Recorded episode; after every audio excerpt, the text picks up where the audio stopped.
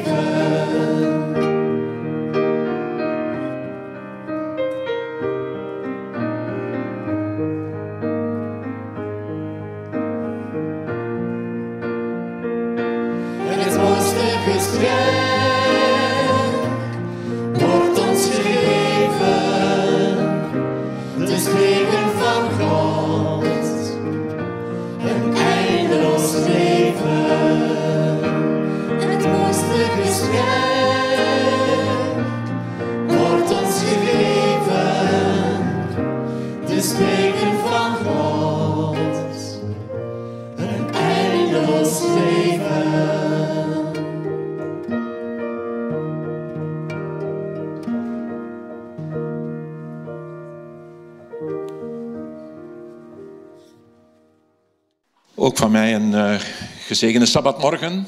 Iedereen toegewenst, ook de mensen die thuis volgen. Vooraleer we met de overdenking beginnen, hebben we nog iets heel vrolijks. Hè? We hebben uh, een aantal weken geleden een aantal kindjes mogen opdragen aan de Heer. Wel, we gaan dat vandaag nog eens overdoen met het... Uh, de jongste telg van Aline en Ronnie. En ik wil hen samen met de kleine Elise naar voren vragen, alstublieft. Door omstandigheden is het al een aantal keren verzet, want zodanig dat de kleine Elise al niet meer zo heel klein is. En ik ga aan de mama of de papa vragen om ze vast te houden, want dat mag ik voorlopig van de dokter niet. Ik uh, mag niet uh, heffen. Dus vandaar gaan we het een beetje anders doen. Een kinderopdracht is toch altijd iets speciaal en toch ook wel een beetje onderdeel van ons, onze dienst. Ik ga een stukje voorlezen alvorens wij de zegen willen uitspreken. Um, uit de Bijbel en meer bepaald uit het Evangelie van Lucas. In Lucas, in het tweede hoofdstuk, daar lezen wij onder andere. Toen de tijd aangebroken was dat ze zich overeenkomstig de wet van Mozes rein moesten laten verklaren, brachten ze hem, het gaat hier over Jezus, naar Jeruzalem, om hem aan de Heer aan te bieden, zoals voorgeschreven in de wet van de Heer. Elke eerstgeboren zoon moet aan de Heer worden toegewijd. Ook wilden ze het offer brengen dat de wet van de Heer voorschrijft. Een koppel tortelduiven of twee jonge gewone duiven. Jozef en Maria gingen volgens de richtlijnen van Gods wet naar de tempel. Simeon, de priester, neemt het kind in zijn armen, dankt en looft God voor dit kleine wonder. En hij zegent de vader en de moeder. Later, als Jezus zelf volwassen is, neemt hij zelf ook kinderen in armen, legt hen de handen op en zegent hen.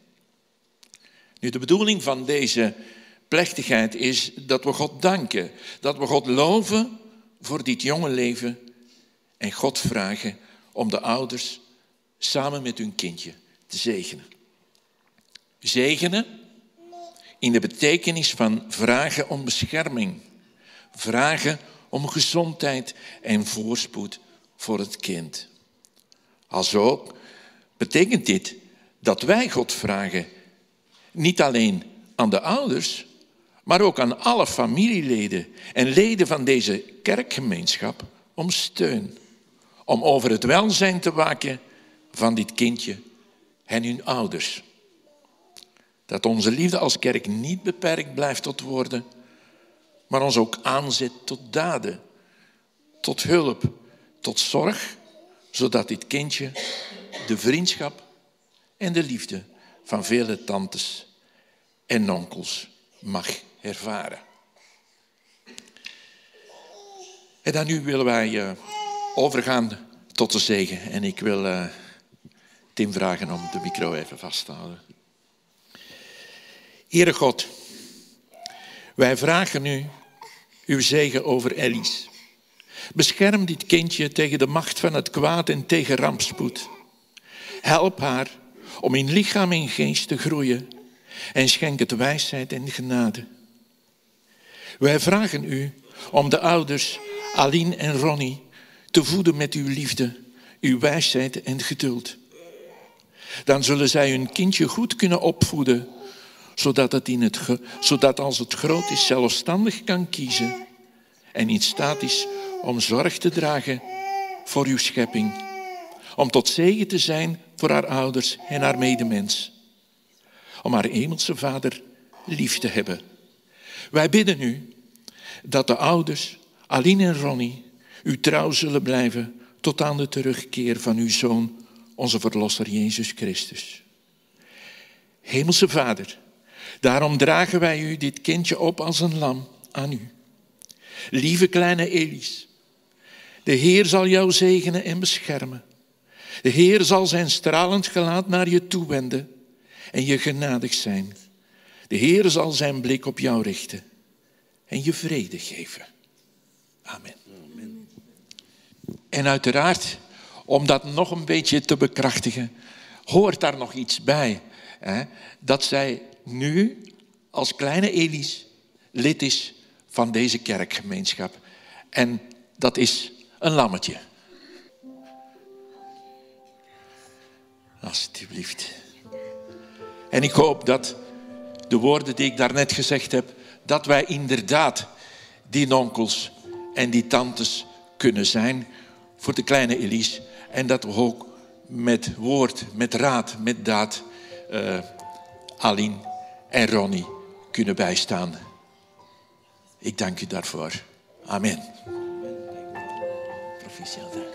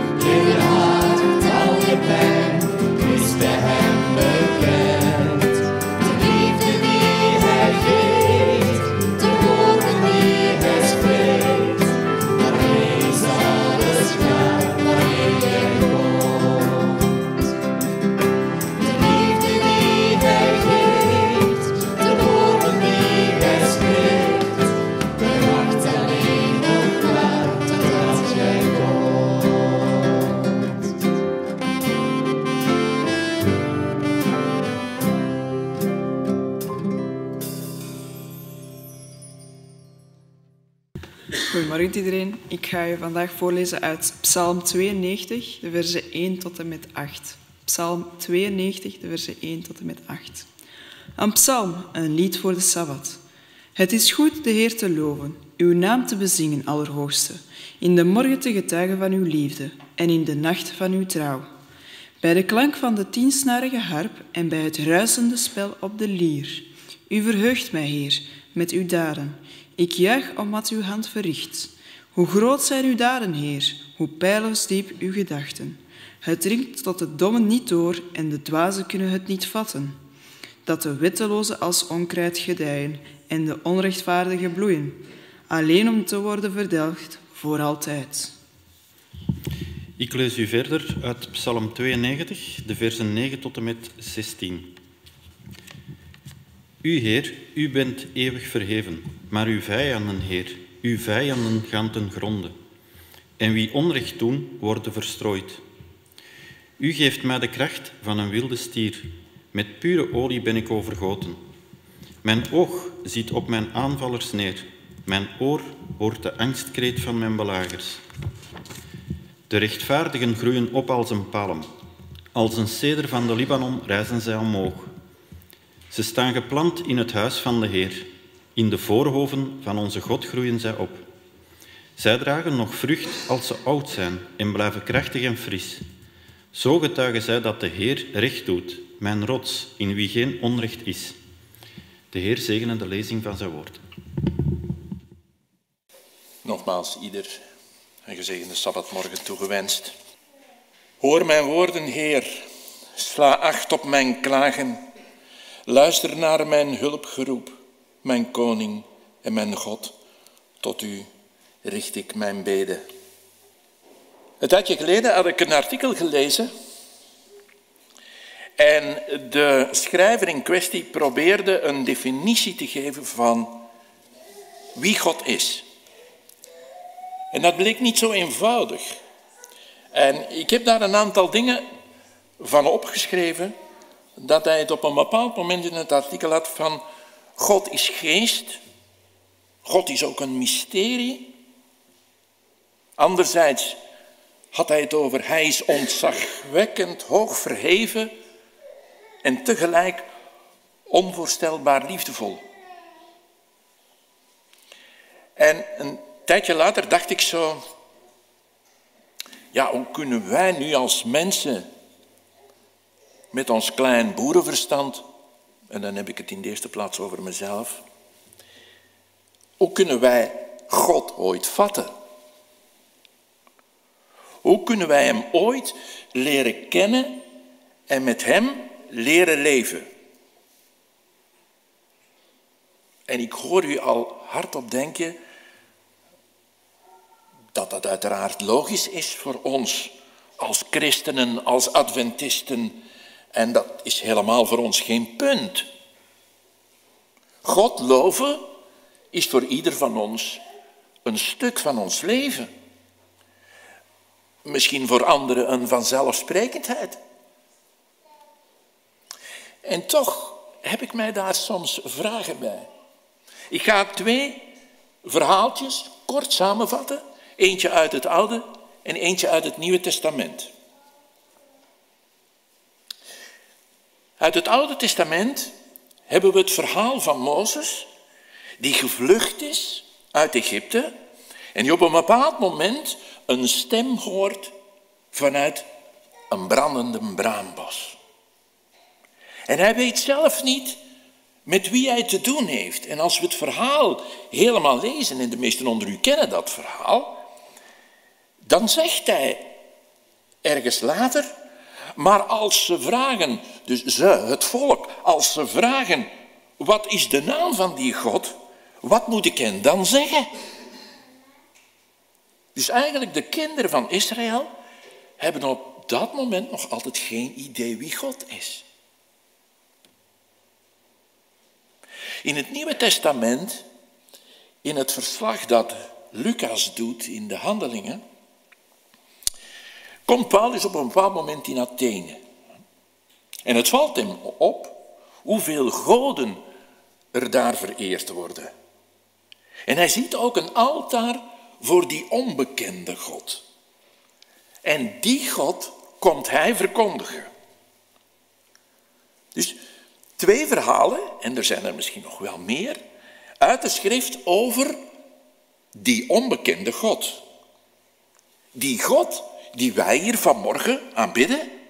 En dat doen we dan meestal vanuit onze eigen inborst, vanuit onze eigen ervaring. En elke sabbat komen wij hier samen om God te eren. Hoe doen we dat eigenlijk? Hoe komt God in de dienst van deze morgen aan bod? En eigenlijk kunnen we zo'n aantal vragen bedenken, maar waar het in wezen op aankomt, wanneer we hier zijn, waar? Waar vindt de werkelijke dienst aan God plaats? Is dat alleen in de kerk? Ik hoop van niet. En als ik het heb over de werkelijke dienst aan God, dienst, dienstbaar zijn, dienstbaarheid, dat zijn allemaal woorden die daarmee te maken hebben. En toeval of niet, daar hadden we het deze morgen ook over in de Sabbatschool. En mag dat ook tussen haakjes een uitnodiging zijn om de Sabbatschool bij te wonen? Het is zo leerrijk en het vraagt een kleine inspanning om s morgens hier iets vroeger te zijn. Bij het begin van onze dienst is het meestal zo dat we beginnen, beginnen bij onszelf, uiteraard. We gaan ons thuis een beetje opmaken. We gaan ons klaarmaken. En dan komen we hier en dan zeggen we goeiedag tegen broeders en zusters. Toch? En dan gaan we ook degene begroeten die hier vanmorgen, meestal als het een gastspreker is, gaan we die ook goeiedag even zeggen. En dan gaan we toch eens even stilstaan bij onszelf. Wat is er ons afgelopen week allemaal overkomen? Wat hebben we deze week allemaal op televisie gezien aan, aan, aan zwaar weer, om het zo maar even te zeggen? Wat was er moeilijk de afgelopen week in ons eigen leven? Om dan misschien toch eens even stil te staan bij de noden van de wereld. Tenminste, dat mag ik hopen. En tegelijkertijd moet ons komen hier vanmorgen ook een rustmoment zijn. Het moet ons rust geven. Het moet ons even stil doen worden. Je gevoelens van, dank u wel vader dat ik hier ben vanmorgen, even toe te laten. Tot inkeer komen. Tot jezelf en tot God. En ik ben er mij van bewust dat de afgelopen coronaperiode, wel, die heeft veel veranderd. Ook in het kerkbeleven van vandaag. De Bijbel vertelt ons dat we geschapen zijn naar Gods evenbeeld. Dus elk mens draagt een scheppende kracht in zichzelf. En dat maakt dat elk mensenleven van onschatbare waarde is. Zodanig dat wie een mens onteert, God zelf onteert. En het is niet alleen God in ons, maar er is ook God buiten ons. Psalm 8. En Psalm 8 is een heel interessante psalm. Ik geef u de raad, u moet die eens lezen. En als je in de mogelijkheid bent om die in verschillende vertalingen te lezen, maar ook in andere talen, dan kom je wel tot heel bijzondere vertalingen. Ik heb de, de vertaling genomen waarin de psalmist zegt dat wij bijna goddelijk gemaakt zijn. In het Engels klinkt het helemaal anders. Moet het maar eens nagaan. Hoe dan ook, lieve mensen, wij zijn God niet. Wij vallen niet samen met God. En juist daarom begint de eredienst niet bij onszelf. Wij spreken over vrede, we spreken over genade en wij beleiden God als onze schepper en onze koning. En juist daarom vertellen deze woorden dat er een werkelijkheid is buiten ons. Een werkelijkheid die ons draagt. Een werkelijkheid die ons omvat. En uiteraard is dat niet vanzelfsprekend. Dat is een kwestie van geloof. Dat is een kwestie van vertrouwen. En ook dat komt niet uit jezelf. Het moet worden aangeleerd. Laat ons daarom vooral dankbaar zijn, lieve mensen. Dankbaar, die woorden, die zijn er al lang. Het geloof, dat is er al lang voor ons. Er zijn mensen voor ons geweest die aan het geloof deze woorden hebben gegeven. Dus in onze eredienst richten we ons tot God. Maar dat woord, in het Nederlands is dat een drie-letterwoord, God. Dat is eigenlijk een soortnaam van de vele goden die er zijn, of soorten goden, met een kleine letter dan. Net als mens. Mens, dat is een soortnaam. Je kunt mens gebruiken voor een man, voor een vrouw, voor een kind, voor een oudere. Eigenlijk zit daar niks persoonlijks in. Maar in onze eredienst gaat het om onze omgang met God. Om een relatie met God die anders is dan de goden van onze cultuur. Ik heb een schoonbroer die dat nogal eens verwoordt met een 3G-woord. Ik ben het er niet helemaal mee eens, maar wel met die drie G's. Hij verwoordt het even anders, dat laat ik even in het midden. Maar de drie G's van onze cultuur, wel, dat is geld, dat is geweld en dat is genot. En wat wij doen in onze eredienst, wel, dat is antwoorden. Dat is reageren.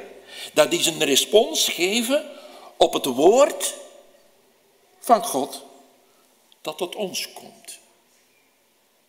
Op God die tot ons komt en die boven ons uitstijgt. En juist daarom dat toewijding, toewijding in geloof, dat gaat samen met eerbied. Zoals Mozes zijn schoenen uitdeed bij de brandende braambos. Eredienst. Het woord zegt het eigenlijk zelf. Dat is eer brengen aan God. En dat vraagt om eerbied. Dat vraagt om liefde. Dat vraagt om toewijding. En uiteraard, in elke cultuur kan eerbied een andere vorm aannemen. Bij ons is dat een soort ingetogenheid.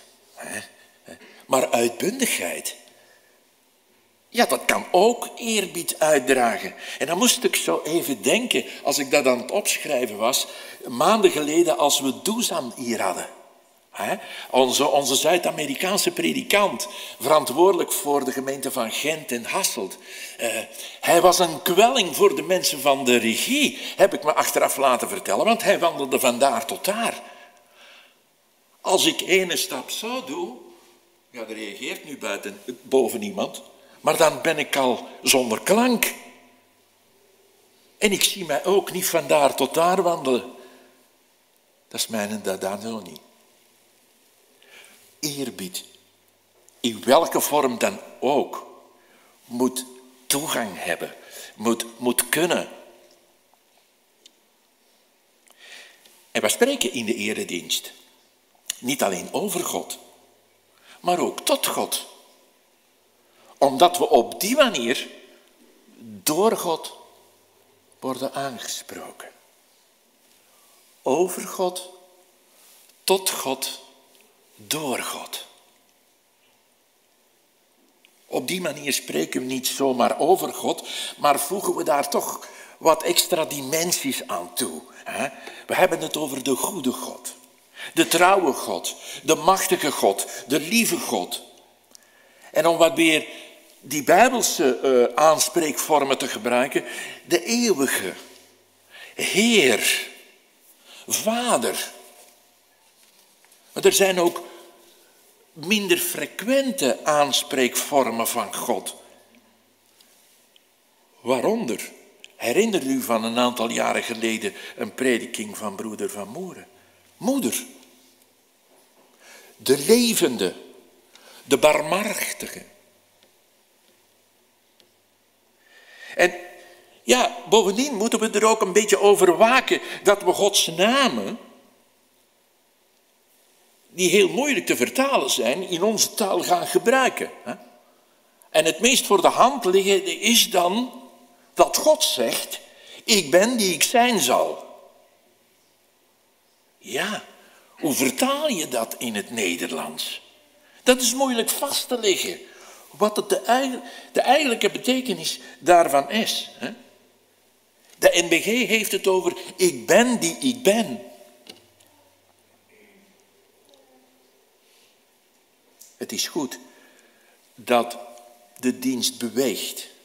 Dat de dienst dingen in beweging zet. En, en, en soms ja, zijn er van die oude woorden tussen hakjes, die ons een beetje afschrikken, die, die ons een beetje vreemd aandoen. Vandaar dat er soms vertaald wordt en een vertaling soms hertaald wordt om het begrijpbaarder te maken. De Bijbel zegt dat niemand, geen enkel mens, God gezien heeft. Dat is de reden waarom we God niet kunnen afbeelden. En is ook bij mij een beetje de vraag waarom het dan nog eigenlijk in de tien geboden vermeld wordt. Ik heb altijd gedacht dat dat uh, tweede gebod een beetje er niet in thuis hoorde, maar wie ben ik?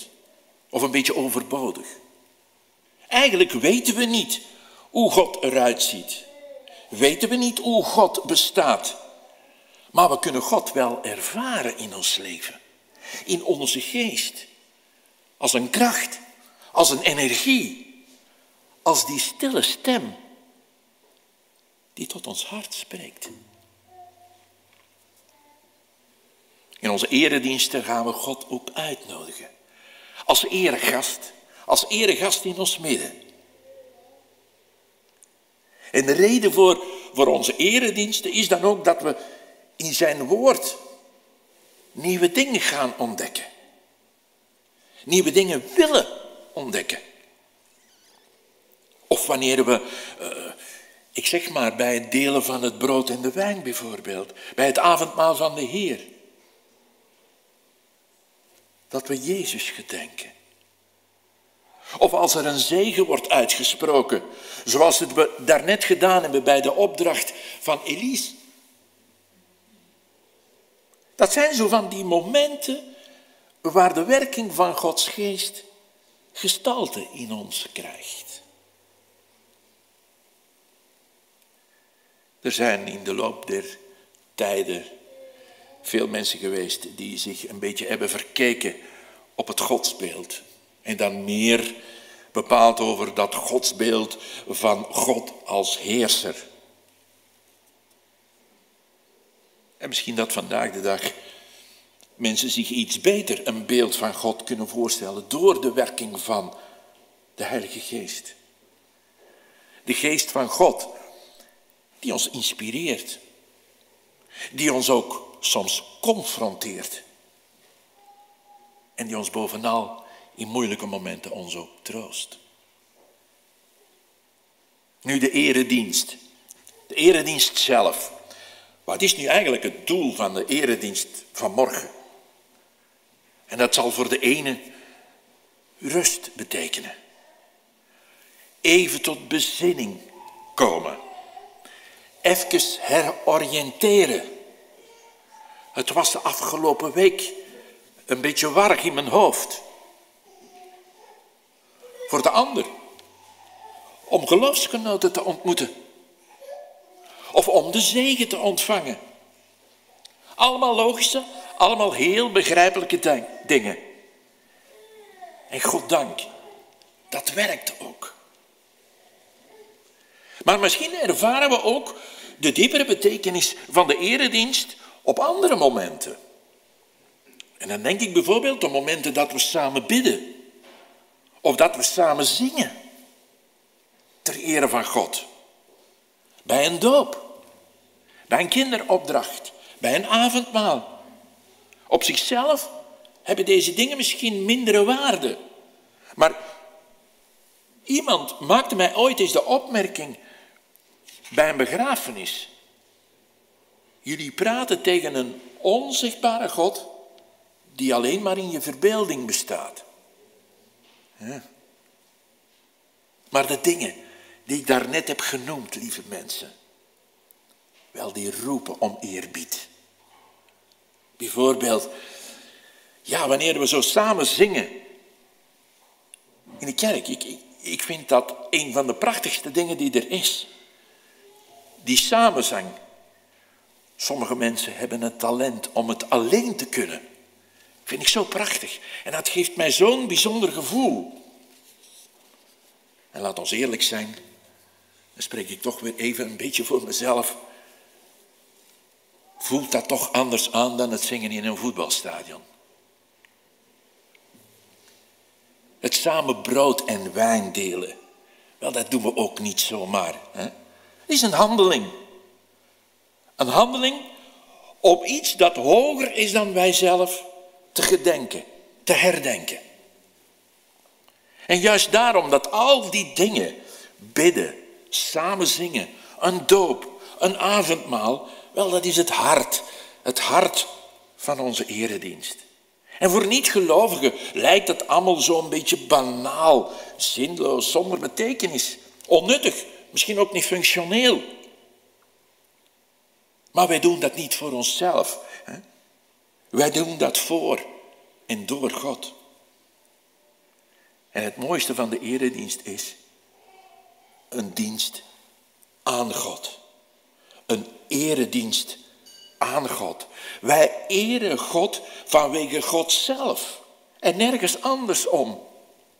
Wij vieren niet als een soort consument, maar als maker van Gods eer in deze jammerlijk, maar helaas zo waar, van God vervreemde wereld. Klinkt dat een beetje pretentieus? Ik weet het niet.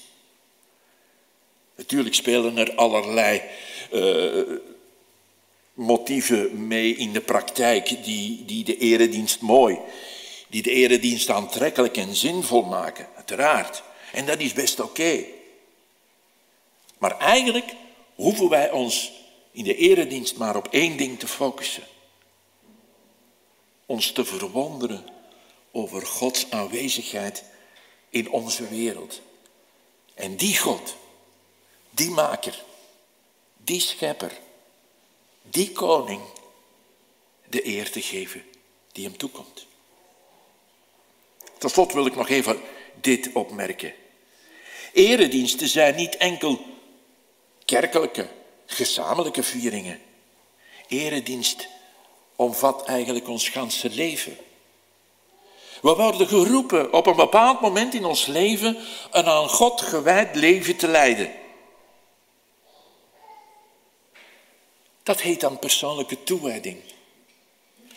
Persoonlijke spiritualiteit. En daarom vind ik dat het belangrijkste moment van de viering niet de zegen is, maar de zending. Wat zei Jezus op het laatst van het Matthäus-evangelie? Ga. Ga op weg. Wij worden op pad gestuurd als gezegende mensen om een God waardig leven te leiden. Een leven te leiden als een soort lofzang, als een gebed tot God. En dat leven begint bij de eerbied voor alles wat God geschapen heeft. Voor mens en dier, voor heel de schepping.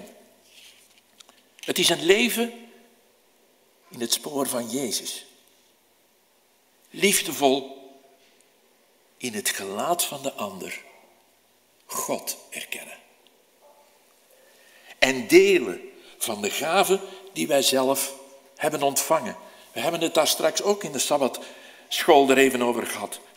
En wat kunnen we zoal delen met elkaar? Liefde, vriendelijkheid, geduld, goedheid. En vul zelf uw eigen talenten daar maar bij aan. Broeders en zusters, een leven vanuit eerbied voor al wat God als schepper ons geeft, dat is een leven in dagelijkse verwondering. Dat is het bijzondere in het gewone zien. In eten en drinken. In opstaan en gaan. Dat is dankbaarheid ervaren in een wereld waarin vandaag de dag alles berekend wordt. Laat gewoon een lied in je hart opwellen. Een loflied. Een klaaglied. Een liefdeslied. Want er zijn ontelbare redenen om te zingen. Loof de Heer, o prijs, mijn ziel, nu zijn heilige naam. Wel, dat wij, wij allemaal, zij die thuis luisteren en kijken, in geloof mogen groeien. Op een manier die voor ons ieder afzonderlijk eigen is. En tegelijk in een gezamenlijke eredienst God die eer te geven die hem toekomt. Wel, dit is mijn bede. Vanmorgen voor u en voor mezelf. Amen.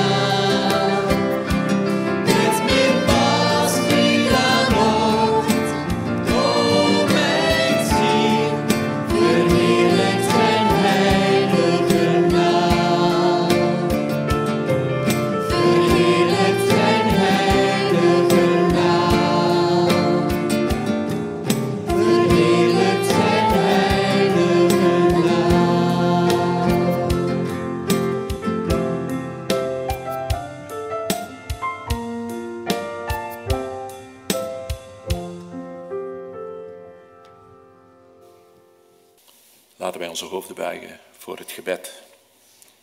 Hemelse Vader, schepper van hemel en aarde, koning van ons leven. Dankbaar dat we zijn, dat we hier kunnen zijn vanmorgen. Dat gij ons hebt geleid door uh, voor sommigen misschien een moeilijke week van hard werken, hard studeren.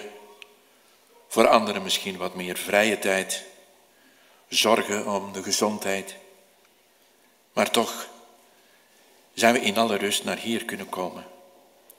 En hebben we vrede bij u gevonden. Heren, wij kunnen ons elke dag verwonderen in u.